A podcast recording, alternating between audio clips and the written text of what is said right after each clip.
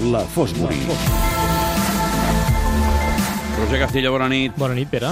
Avui tornem eh, als teus terrenys inhòspits. A veure, a veure. Perquè avui la Fosbury viatgem cap a Llatinoamèrica per conèixer la història de l'únic campió olímpic que ha tingut el Perú al llarg de la seva història. Només un. Només un. És curiosíssim, un país de 30 milions d'habitants i que Mm. podríem pensar, doncs, a primer cop d'ull, algun campió olímpic que ha tingut, dos, tres, deu, vint, no sé, dades més o menys normals, sí, eh, comparativament sí, amb amb països gent, sí. tant del seu continent com del seu tamany, mm, podries pensar que això és així, i només n'hi ha un. I és curiós i, per tant, volem conèixer la seva història perquè, a més, també té alguna, algun punt d'anècdota que ens agrada molt en aquest Si només espai. n'hi ha un, de què és? Tir olímpic. Per l'amor de Déu. O sigui, Tir olímpic. Tir, a més, de tir olímpic. Sí, és una especialitat que, mira, al Perú tenen un esport que és la seva passió, que és el futbol. Això Eh, ningú, ningú sí. els hi treu. Mm, Llatinoamèrica, en general, doncs és l'esport de tingut masses. seleccions espectaculars. Han tingut grans seleccions. Fa anys doncs, que certament mm, ni asa ni bèstia, eh? ni fu ni fa, estan una mica allò en terra de ningú, i han tingut clubs mm, que han intentat, però mai han acabat, no tenen cap Copa Libertadores. Eh, hi ha altres països més petits com Equador, com Sí, Xile, com l'Uruguai o Paraguai, ja Sí. doncs, estaríem parlant de paraules majors que estan en un nivell molt més, molt Mm. més important, però tot i així Perú és el seu esport nacional i és l'esport més practicat de llarg. Hi ha hagut alguns campions olímpics, eh, hi ha alguns campions olímpics, alguns campions mundials, Mm. eh, puntualment al llarg de la història. Mai hi ha hagut cap inversió esportiva forta doncs, per l'esport d'elit, però sí que hi ha una selecció de voleibol eh, femenina doncs, que va despuntar als anys 80 amb campionat del món i amb un subcampionat olímpic a Seul 88, un campió de tennis, un de boxa, un de surf, però allò espontani, puntual, sense gaire trajectòria, sense gaire solidesa. Mhm. En canvi, anem al tir olímpic, i aquí la cosa agafa doncs, allò solera, podríem dir. No en sabia d'aquesta tradició. Dels quatre medallistes olímpics de la seva història, tres són de tir olímpic.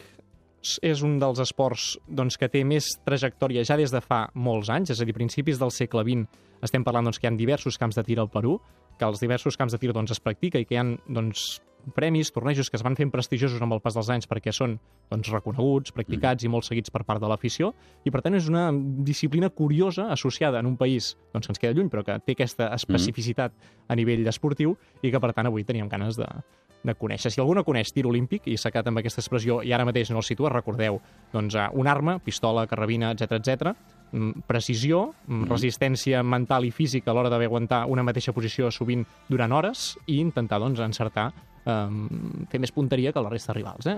Ens, Sí. ens situem un esport senzill d'entendre i que, per tant, doncs, és, és fàcil de- d'ubicar mentalment, encara que estigueu ara una mica dormits eh, a aquesta hora. El campió olímpic és Edwin Vázquez Camp. Aquest és el protagonista Edwin d'avui. Vázquez Camp. I ens hem de remuntar al 1948 als Jocs Olímpics de Londres. Coroi. Però abans volem conèixer, com sempre, la seva, la seva història inicial. Neix el 22... Acaba malament, perquè No, aquest és... acaba bé. Home, Bueno, acaba calla tu, veure, acaba bé. l'hora, perquè... Eh, diguéssim que té una trajectòria normal, podríem dir, en aquest, en aquest ja m'agrada, perquè sempre acaba amb un No, drama, no, no, això. avui hem buscat una història no Està bé, tràgica, ja podríem dir. ja. Més aviat amb bones sorpreses.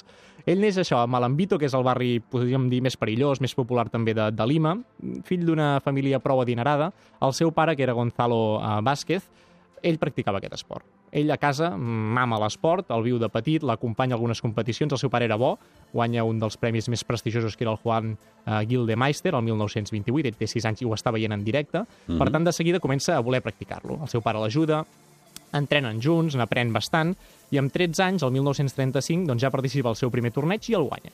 És la seva primera participació davant d'altres rivals, és campió, els anys següents campió del concurs nacional escolar al Perú, hi ha aquesta tradició de l'esport i per tant Concurs també nacional escolar. també a, a les escoles, doncs, olímpic, als anys, als anys que estem parlant, eh? estem parlant Sí. anys, anys eh, Sí, no? 30, Però- 40, doncs és, es practica i per tant eh, en guanya dos de consecutius i arriba el 1938 i amb 16 anys aquest home doncs, fa un petit salt.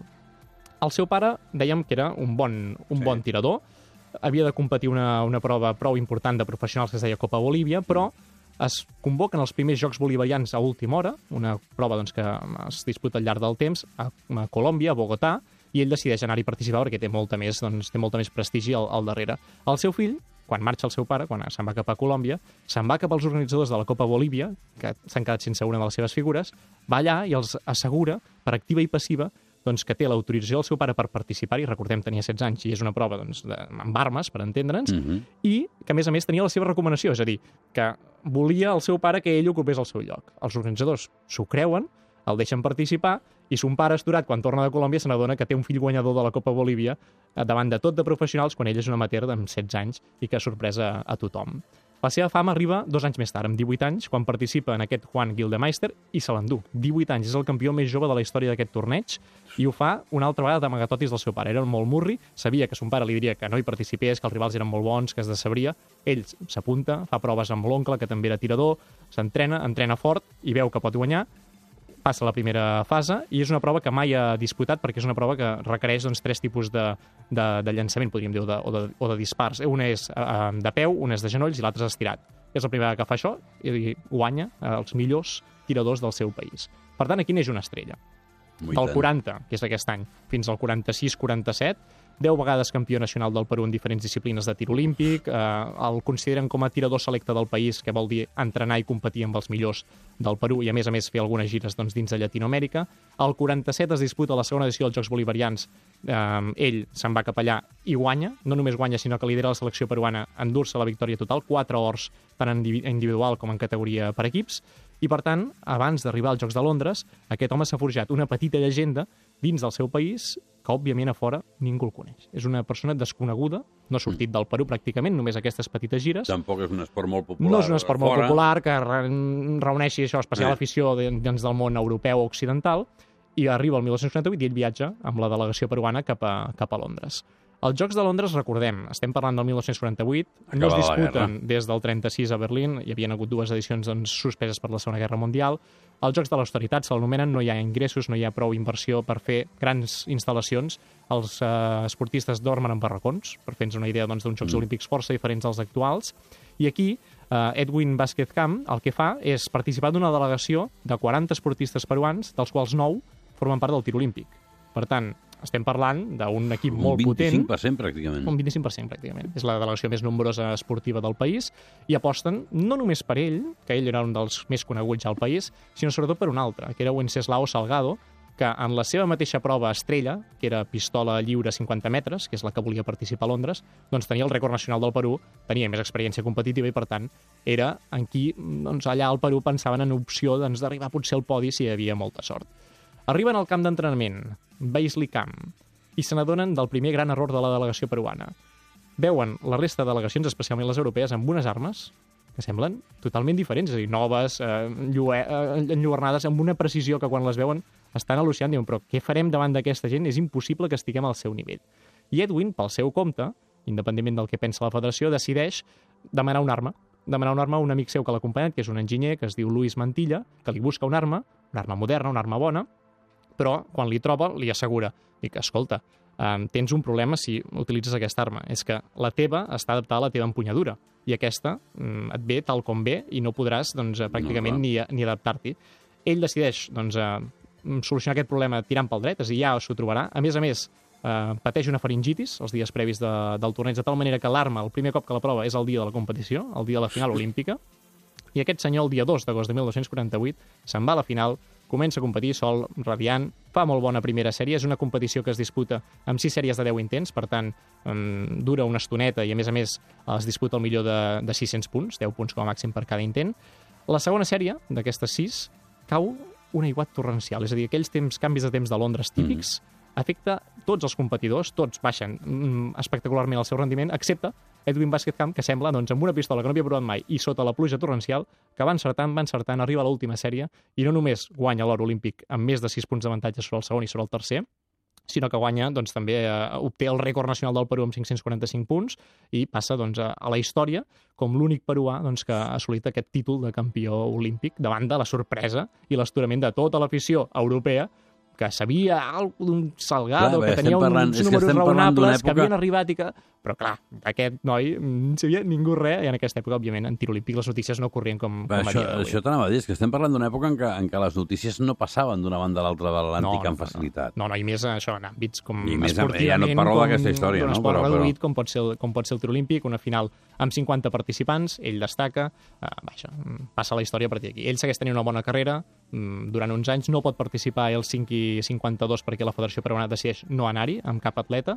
per tant es queda amb aquesta opció sempre... Hagués pogut repetir. Hagués pogut repetir perquè tenia, bon, tenia molt de talent i el que és més destacat de la seva trajectòria, que acompanya aquest èxit esportiu, i que, de fet, ara, des del govern peruà sempre se'l posa en valor per aquest aspecte, és el seu rendiment acadèmic. El 48 participava als Jocs de Londres, el 49 es llicenciava com a enginyer civil al seu país, havent seguit el mateix ritme de la seva promoció, malgrat aquestes competicions mm -hmm. internacionals, i no només això, sinó sent el primer de la classe, eh? el, el, el millor de la promoció. Per tant, un, un autèntic crack, no només del tir olímpic, sinó també dels estudis. Un personatge molt especial. Molt eh? especial, molt especial. Molt especial.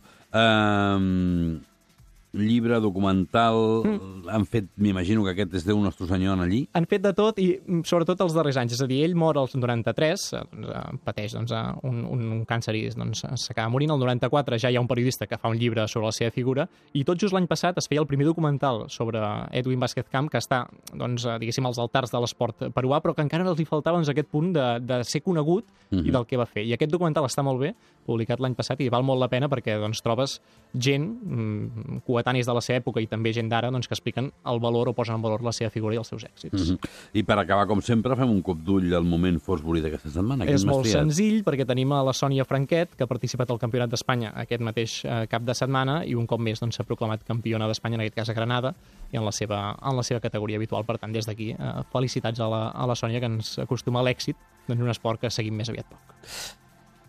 Té plaça per Rio, em diu la Marta. Sí, des del setembre va aconseguir plaça per Rio, per tant, doncs és una de les que veurem delegació diguem, catalana formant part de la delegació espanyola doncs, al Rio de Janeiro, els Jocs del 2016. Moltíssimes gràcies, noi. A tu, com sempre. Hem de vigilar uh, aquest any, bueno, aquest any no, uh, els Jocs Olímpics de Rio, el tirador peruà? Ah, diria que no. Diria que al Perú, pobres, estan des del 92 no guanyen medalla olímpica i ara mateix no tenen cap jove talent que, que pugui aspirar, no en tir olímpic, sinó en qualsevol altra disciplina, a estar en un podi olímpic. No veurem aquests propers dos anys a veure si acaben rendint o no, però està, està complicat de moment. Roger, moltíssimes gràcies. Que vagi molt bé. Bona nit. El Club de la Mitjanit.